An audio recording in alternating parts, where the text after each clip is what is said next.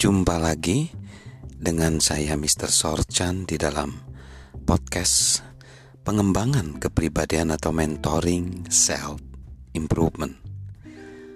Pada saat ini, konteks besar kita adalah bagaimana kita menjadi pribadi yang berhasil, bukan hanya mengandalkan satu unsur yaitu talenta. Ke dalam talenta perlu ditambahkan banyak unsur. Dan kepada talenta perlu ditambahkan unsur hubungan. Karena hubungan dapat mempengaruhi talenta. Nah, hubungan itu ada dua, yaitu hubungan yang toxic relationship atau hubungan yang kurang membuat kita menjadi sukses atau berhasil, dan hubungan yang menjadikan kita berhasil atau yang menjadikan kita lebih baik. Nah, hubungan apa yang bisa menjadikan kita lebih baik? Hubungan yang bisa menjadikan kita lebih baik adalah hubungan yang memberi kita energi, menginspirasi kita, dan menguatkan kita hubungan itu melejitkan dan memberi kita kebahagiaan.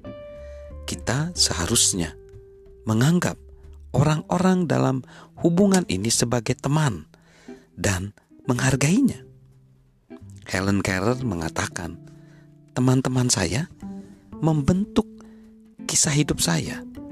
Dalam ribuan cara, mereka telah mengubah keterbatasan keterbatasan saya menjadi hak-hak istimewa yang indah dan memampukan saya berjalan tenang dan bahagia dalam bayang-bayang kekurangan saya.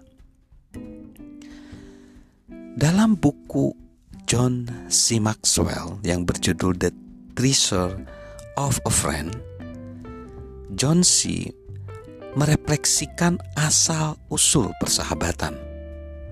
Teman adalah orang yang meyakini impian-impian Anda, berbagi kebahagiaan-kebahagiaan Anda, mengusap air mata Anda, memberi Anda harapan, menghibur luka-luka Anda, mendengarkan Anda, tertawa bersama Anda.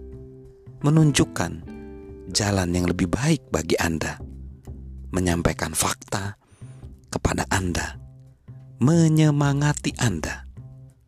Siapa lagi yang mampu melakukan semuanya bagi Anda? Itulah gunanya teman. Coba perhatikan apa saja hubungan-hubungan yang betul-betul memberi kita nilai tambah sekaligus energi bagi kehidupan kita. Kalau misalnya kita memikirkan itu, mereka ada di sekeliling kita. Yang pertama, keluarga kita. Di mana di sana terciptakan momen-momen terbaik bersama keluarga. Itu adalah momen-momen terbaik kita yang kedua, orang-orang kreatif. Mereka melepaskan kreativitas dalam diri kita. Lalu yang ketiga, orang-orang sukses. Di sini kita bisa mendengar kisah-kisah kesuksesan mereka dan menginspirasi kita. Lalu yang keempat, orang-orang yang bersemangat. Semangat kebaikan, semangat itu bagaikan oksigen bagi jiwa. Lalu orang-orang kocak karena di sana kita bisa tertawa dan tawa itu akan melejitkan semangat kita. Lalu pemikir yang baik karena orang-orang tersebut ketika kita ajak bincang-bincang dengan mereka itu akan menambah wawasan pemikiran kita. Lalu orang-orang yang ada di tim kita, orang-orang dalam, mereka selalu memberikan kita semangat nilai tambah. Lalu para pembelajar, orang-orang yang tertarik pada sesuatu adalah pribadi-pribadi yang menarik, mereka para pembelajar. Hubungan yang positif akan membawa kita ke level yang lebih tinggi. Hubungan tersebut mendorong kita dan mengeluarkan potensi terbaik kita. Hubungan menjadikan diri kita lebih baik daripada tanpa hubungan itu. Itu anugerah kehidupan terbesar bagi diri kita. So, mari kita terus untuk menjadi pribadi, pribadi yang lebih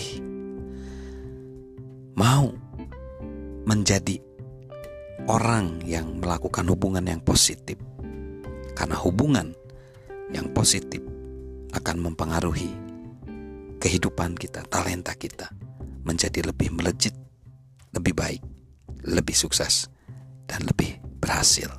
Salam dari saya, Mr. Sorchan.